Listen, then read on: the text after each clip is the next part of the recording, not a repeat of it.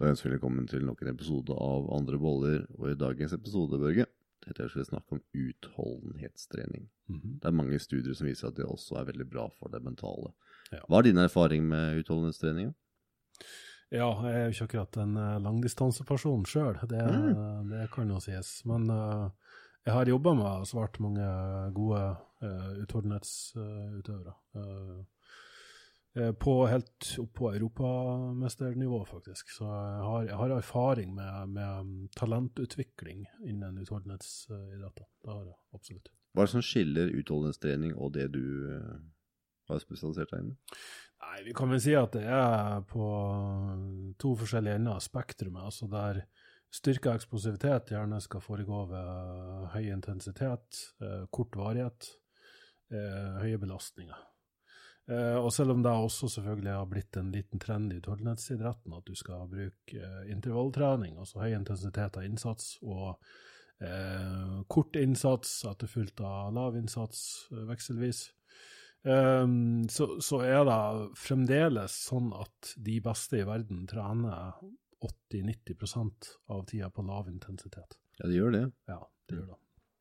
Eh, Så, så det er sånn Vi har veldig mye god forskning, men problemet med den forskninga som er gjort, er jo gjerne at det er vanskelig å se hva uh, Av det som fungerer på kort sikt, hva er det som fungerer på lang sikt for å bygge en utøver til å bli, uh, til å bli verdenstoppen?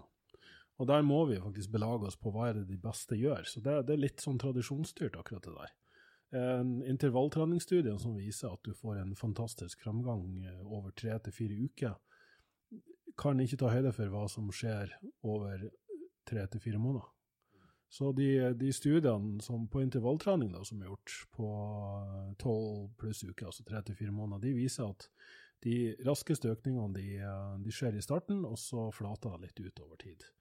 Og det er litt fordi at um, hvis, hvis du ser på kroppen din som en motor, da, så har du hjerte-karsystem, eh, det som er ansvarlig for å pumpe eh, blod og oksygen rundt omkring i kroppen, og så har du jo da den lokale utholdenheten i musklene, og hvorvidt de tåler eh, den syra som oppstår, og, eh, og rett og slett har enzymatisk kapasitet og glykogen og sånn til å prestere når det virkelig gjelder. Så, så det er mange ledd i den kjeden som skal bygges opp for å prestere på lengre distanser, og det er, det er jo sånn at spesifikke adopsjoner er det som gjelder, uansett hva du skal drive med. Så skal du kunne prestere på lange distanser, så må du trene lange distanser. Du kan faktisk ikke få maksimalt utbytte av å trene bare eh, intervalltrening. Så de aller beste de tilegner mellom 5 og 15 av treningstida til intervalltrening. Og da tror jeg vi bør eh, liksom ha litt i bakhodet, da. Vi, før vi begynner å krangle voldsomt om hvem som har rett og ikke. Jeg tror det, jeg tror det er både og som gjelder. For jeg vet jo uh, Ulrik Wisløff og Serg er vel heter fra NTNU. Er det det? Ja, Ja. Hoff, Hoff Helgerud er jo også Ja. kjent der. Og de har jo forska veldig mye på det med høy intensitetstrening og Mm. helseeffekten av det. Og Absolutt. spesielt for hjerte og kar. Mm. Der ser vi jo veldig store effekter. Ja. Er det noen andre helseeffekter som du vet om i forhold til å trene med ja, utholdenhetstrening kontra vekttrening? eller? Ja, altså jeg vil også si at utholdenhetstrening er, viktig for restitusjon etter styrketrening. Så, så da å Interessant.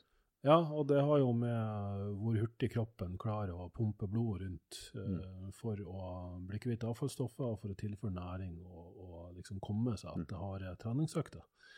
Um, men du Det er si første gang jeg har hørt det. Er det velkjent uh, sak, eller at det er uh, det er jo velkjent, men jeg tror ikke det er så mange som er bevisst på det. At de tenker over det på den måten. da. Eh, Så, så sjøl en styrkeløfter, vektløfter, har verdi av å trene på lav intensitet. Men du kan si den klassiske fella som, som folk flest går i, da, det er at når de, de skal trene lav intensitet, som faktisk må være såpass lav at du klarer å gjøre den over lang nok tid, Mm. eh, så, så trener de på for høy intensitet. Ja. Og så klarer de faktisk ikke å trene høy intensitet, altså intervalltrening, på høy, høy nok intensitet. Så det blir sånn lapskaustrening, som vi kaller det. Det, det er verken for det er verken hardt nok eller lenge nok. Um, og det er sånn, Den, den, um, den langvarige lavintensitetstreninga, det er litt sånn at det byr folk imot med en gang du hører lavintensitet. Ja, men jeg må jo trene hardt det hvis jeg skal bli god, liksom. Uh, nei, du må trene smart, ikke nødvendigvis bare hardt, eller lenge, for den saks skyld. Um, uh, men det er sånn at den, den uh, lavintensitetstreninga den øker jo hjertets fyllingsgrad, altså evne til å fylles maksimalt. Uh, at, at hjertekammeret kan dra inn en større mengde blod for hvert slag og pumpe deg ut igjen. Mens høyintensitetstrening, og da spesielt intervalltrening, da, da er um, det, det, bygger um, styrken til hjertet, så, altså uh, kraften den har, kontraksjonskraften.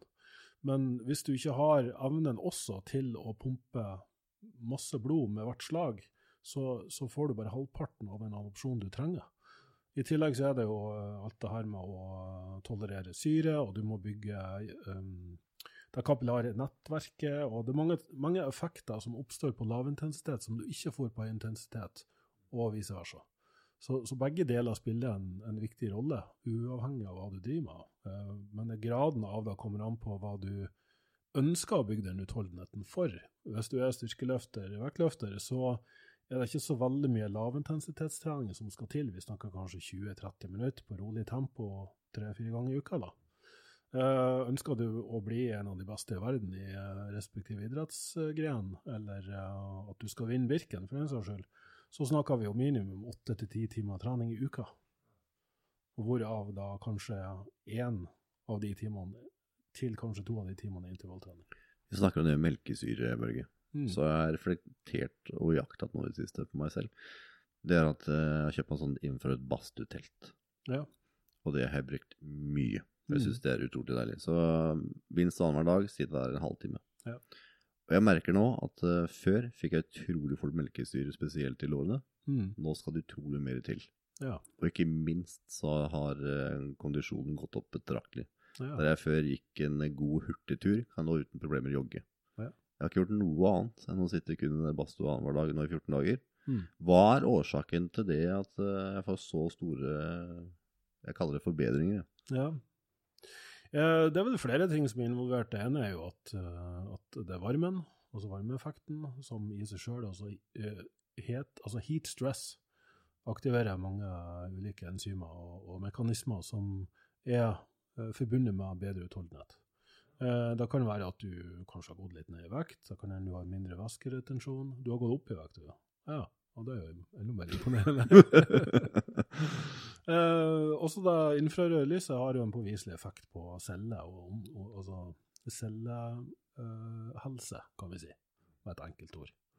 Eh, så, så, det er absolutt uh, altså vi, vi, har jo snakka litt om det her tidligere, og jeg mener jo at sollys er den aller beste kilden til infrarødt lys.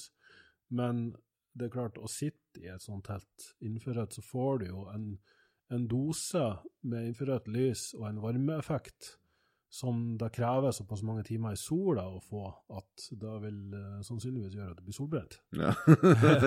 Men så avslutter jeg alltid med iskald dusj, da. Så jeg vet ikke om den der kombinasjonen ja, den, mellom ja, ja, varme kulde. Riktig, for da har du at uh, årene utvider seg og trekker seg sammen. Så da trener du opp det kapillære nattverket ditt. Det er jo mikroskopiske muskler som ligger rundt her og sørger for at de utvider seg og trekker seg sammen.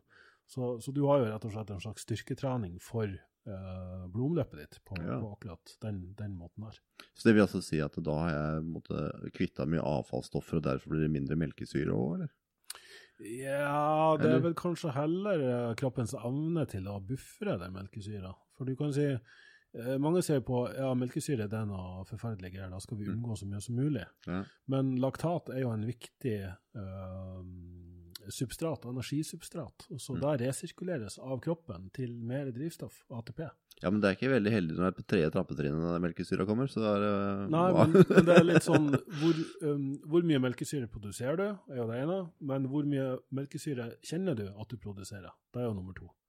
Uh, og, og, evnen til å tåle og kjenne den smerten, da, den, den terskelen kan jo flyttes i en sånn grad at da kan hende du produserer like mye melkesyre, men at ikke du registrerer det her som smertefullt. Ja, Hva er grunnen til det? da? Hva sa du? Hva er grunnen til det? Nei, Det er jo en tilvanningssak, det også. Nei, men det er ikke det, skjønner du. For det, i dette tilfellet her, i altså, var, varme kulde, varme kuldepåvirkning, da, da jobber jeg jo med eh, Altså, vi, vi, har jo ikke um, Vi har jo ikke smertesensorer i kroppen vår. Vi har såkalte nosiseptorer, som registrerer temperatur, trykk, og eh, strekk i muskler. Og da også faktisk eh, pH-verdiendring i kroppen. Midlertidig pH-verdiendring. Ja. Så alle her påvirkes jo av alt fra tøying til styrketrening til utholdenhetstrening til varme kulde til eh, hvilket humør du er i, hvilken mental innstilling du har. Sant? Det er jo påvist at har du en positiv Altså mental trening kan utvikle utholdenhet da også.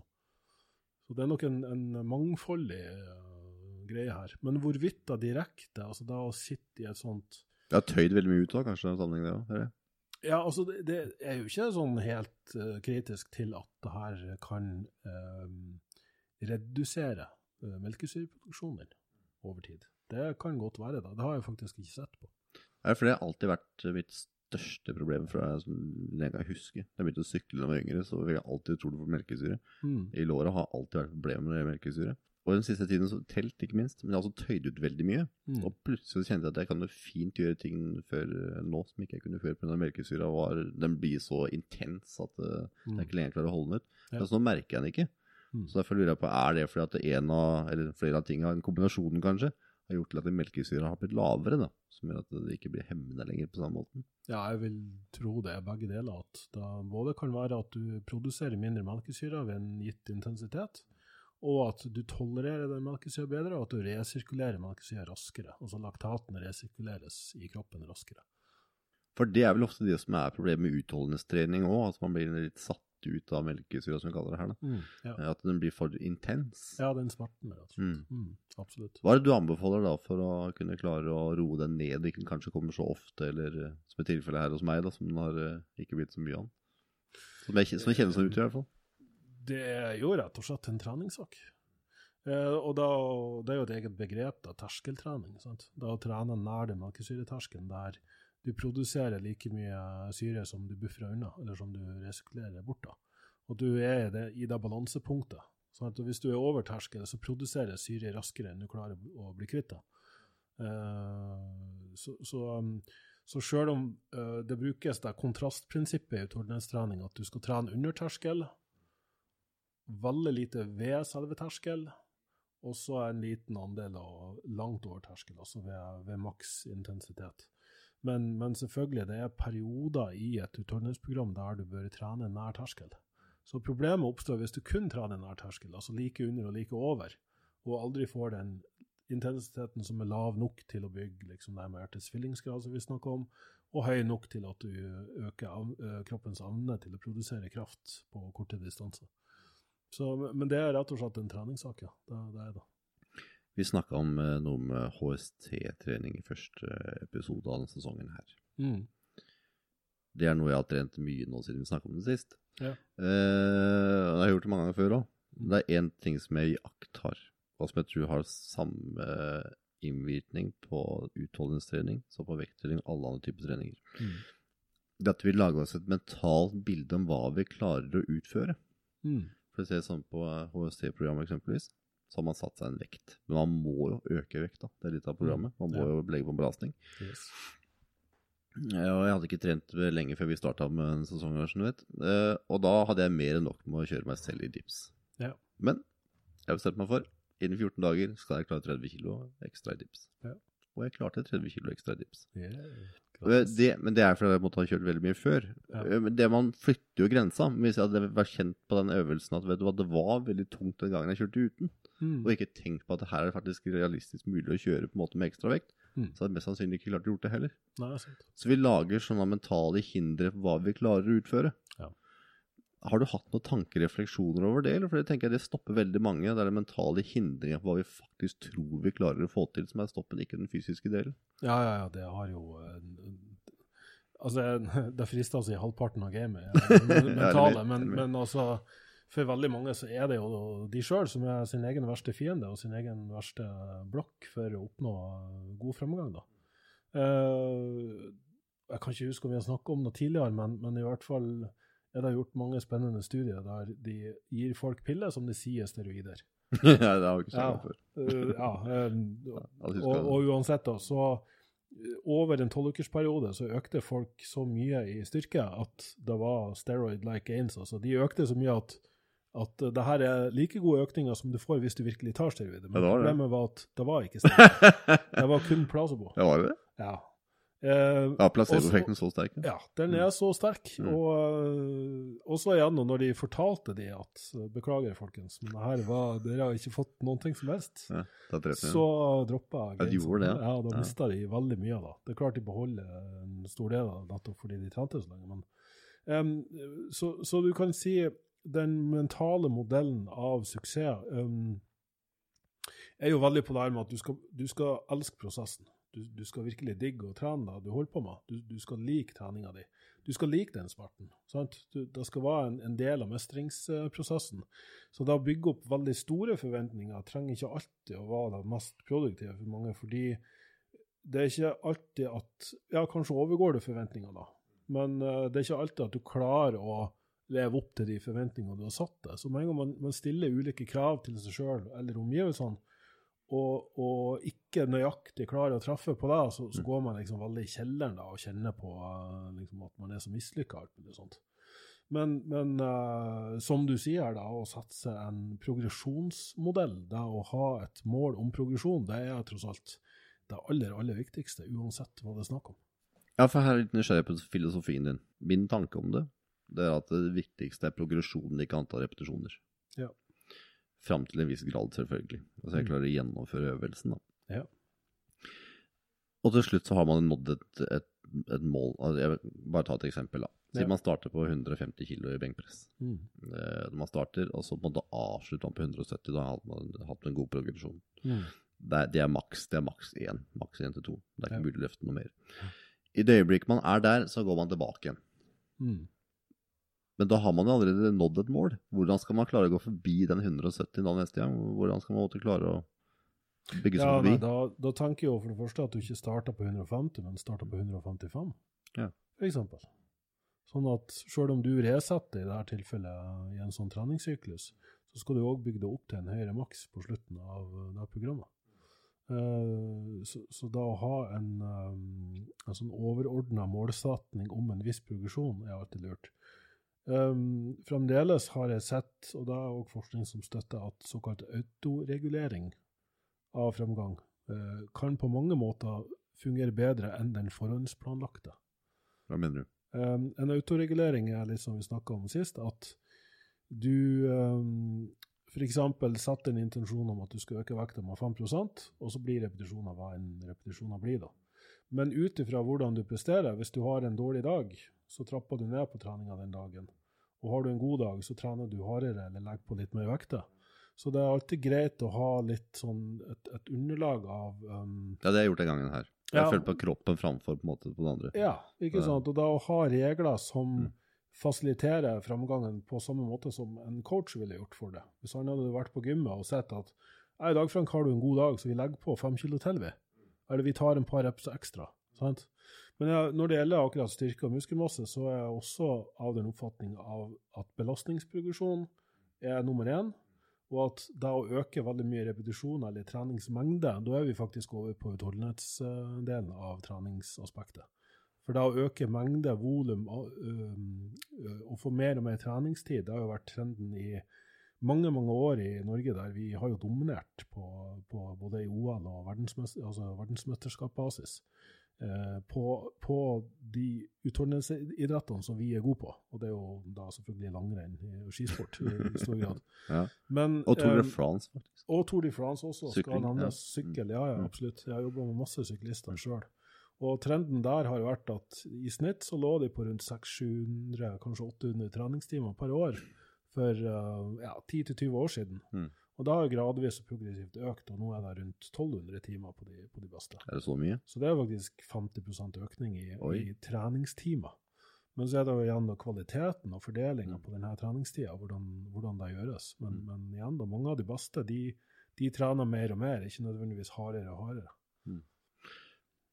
akkurat i dag, Børge, så Mm. har jeg hengt meg litt opp i den der mentale innstillingen vi har til ting. For det er på Ja. Mentaltreff-podkasten så har jeg akkurat uh, gitt ut en episode med en idrettspsykolog Mm. som hadde skrevet en bok uh, for idrettsutøvere. Uh, og i den sammenhengen så har jeg begynt å reflektere veldig over det med med de grensene man setter for seg selv. Mm. For det, før i tida så var det jo helt umulig å ta 360 på snowboard. Mm. Og nå tar jeg alle 1120, eller hva nå enn har blitt i dag. Ja. Og så er det sånn at hvis en, en verdensrekord kan stå lenge, så plutselig er det noen som bryter verdensrekorden. Og så klarer alle plutselig å. Ja, Så vi har alle disse innstillingene til ting, da. Og så har jeg begynt å tenke, så ut fra min eget perspektiv iallfall, så har jeg sett det at jo mer jeg har på pressa meg forbi det jeg tror har vært mulig å gjennomføre på trening, mm. uh, så har det på en måte gått veldig greit. Ja. Det har vært på nivå før, da. Men allikevel så er det lenge siden. Mm. Så det beviser bare at det er det mentale innstillinga som bestemmer hva du egentlig klarer å få til. Og jeg tror det at øh, hvis jeg hadde vært med deg på en treningsøkt, Mm. du syntes det var veldig tungt å kjøre 150 kg benkpress som eksempel igjen, Mm. og da lukket dine øyne, og jeg har gått og bytta på vektene, jeg har putta på 170 der isteden, Yes. Ja så hadde ikke du egentlig merka så veldig stor forskjell. For du hadde fortsatt trodd det var 150. Yes. Ja da. Så, jeg er litt sånn nysgjerrig på hvor mye er det vi egentlig klarer å trykke på, på en kropp hvis vi hadde fjerna alle de mentale sperrene på hva vi egentlig tror er viktig, både både når det gjelder tid og vekter. Ja, og det er ingen tvil om at veldig mange sperrer er, er fiktive, altså de er Ja. ikke reelle. Uh, for du kan si, jeg, jeg, ser begge, jeg ser begge delene av uh, aspektet mental, uh, mentale mål. Du har de som alltid presser seg, hele tida på alt. Det er litt sånn flink pike, flink gutt-syndrom, da. sant? Um, og, og det kan ofte føre til en dysfunksjon til slutt, fordi det rett og slett er ikke noe av-på-knapp Mm. gli- glidebryter, det er liksom bare maks, maks, maks. Uh, så det i seg sjøl um, kan være et problem hvis det ikke fokuseres eller styres. At det er en litt sånn overordna ja, sånn overordna balanse. Du må jo ha restitusjon for å få treningseffekten eh, realisert. sant? Um, men du har jo også svært mange som må pushes. At de kanskje ikke er like god stand til å pushe sjøl. De har ikke selvtillit. De tror ikke de klarer, og dermed så klarer de ikke det. Eh, og det, det er også, jeg har også sett f.eks. Um, at folk, folk på gymmet og som bare De har f.eks. et mål om eh, ti repetisjoner, og på rep nummer ni så stopper det. og så er det sånn Beklager, men du har mye mer igjen. Nå skal Mm. vi kjøre helt til det stopper. Mm. Så er det ti til Ja. igjen. Og så klarer de 22 personer totalt. ja. Så det, er, det finnes mange eksempler på det. altså, at Hva er liksom failure-trening? Utmattelsesbasert trening. Er det, er det der kroppen sier stopp, eller er det der hodet sier stopp? Så det er utrolig mye ressurser som, som ligger. Så det er jo noe som heter The Central Governor Model, CGM, som er en sånn modell av at det er hjernen som styrer hvor mye prestasjon du er i stand til å ta ut. Eh, og den, den anerkjennes i, i forskning også, at den eksisterer. Eh, hvilken, hvilket humør du er hvilken innstilling du har, og hvilke målsettinger du har satt deg, regulerer hvor, hvor mye du får ta ut av kroppen, hvor mye melkesyre du tåler. ikke sant? Og så, så, så det er rent fysiologisk som skjer, hvor kraftig musklene kontraheres, hvor melkesyre som produseres, hvor, hvor raskt hjertet pumper, hvor mye blod som pumpes rundt, og hvor mye oksygen som er tilgjengelig. Det er på en måte ja, det er på en måte fast, men hvor mye du fasiliterer de prosessene i kroppen med, den, med hjernen din, der er det nok veldig mye å gå på for, for utrolig mange. Altså, Vi har jo alle hørt den der mødre som løfter biler av Ja, ja. barna sine. Så, så det er ingen tvil om at vi har krefter tilgjengelig i kroppen som gjør oss i stand til å rive senen av beinet, liksom. Så, så mye styrke ligger latent der. Men vi har masse refleksive eh, me mekanismer og sensorer i kroppen som hjernen i sitt eh, skall oppi her eh, tolker gjennom tidligere erfaringer, men, mental modell av verden, mental modell av det sjøl, og, og, og en rekke faktorer, liksom. Så mental trening er jo også på toppidrettsnivå et veldig ofte brukt verktøy. ja, må brukes, ellers så kommer man, må man, kommer man ikke ut. Ingen tvil om det. Det tror jeg har jo altså Ekstrempodden, den, som jeg har sagt med mye ekstreme utøvere, Børge. Ja. Og der er det en person jeg har blitt veldig godt kjent med, han heter James Bruman. Mm. Han er egentlig eh, investment banker og fra England, egentlig. Ok. Uh, han starta egentlig i ung alder med å reise litt jorda rundt, og til, reiste til Himalaya og gjorde sånne enkle ting. Mm. Og så fant han ut han skulle sykle jorda rundt. Ja. Enkel greie. Hadde ikke så mye penger eller noen ting. Hadde tak i en bamse, tror jeg, som satt på sykkelen sin og sykla jorda rundt. Starta i Alaska, tror jeg. Ja. Da brukte ca. to år på det. Ja. Helt aleine. Og bamsen. Eh, men så syntes han det var så veldig kjedelig å jobbe i bank. Ja. Eh, han syntes det var helt pyton. Så det, hva skal jeg gjøre på ferien? Har ikke lyst til å sitte stille heller. Mm. Så han fant ut at han skulle løpe Australia på tvers. ja. Hvorfor ikke, liksom? Ja, hvorfor ikke skulle han ha fri likevel? Eh, det er lenge siden, Jeg husker ikke tallet helt nøyaktig i hodet, men jeg minst husker han brukte 140 dager. Ja. Mm. Og da gikk han og dro på den tralla si og løp der hver eneste dag. Og etter å ha gjort det, da, så lurte jeg på hva pokker skal gjøre nå. For det, det virker som at da får man sånn viss uh, mestring, og du da pressa kroppen langt og det mentale langt. da. For det, når du holdt på å løpe hver dag i minst 140 dager, så er du sliten og lei. Så er det. Så fant jeg han fikk jo prøve Mount Everest. Eh, og det var jo det året det var ras så mange omkom, så han eh, måtte avbryte og, og ned igjen. Mm. Så fant jeg nei, skal prøve basehopp, da. Mm. Så da basehoppa han i Kjæragel og pokker det. Eh, så fant jeg nei, Mount Everest det var ikke besteget, så jeg tenkte det var jo altfor enkelt å, å prøve med oksygen.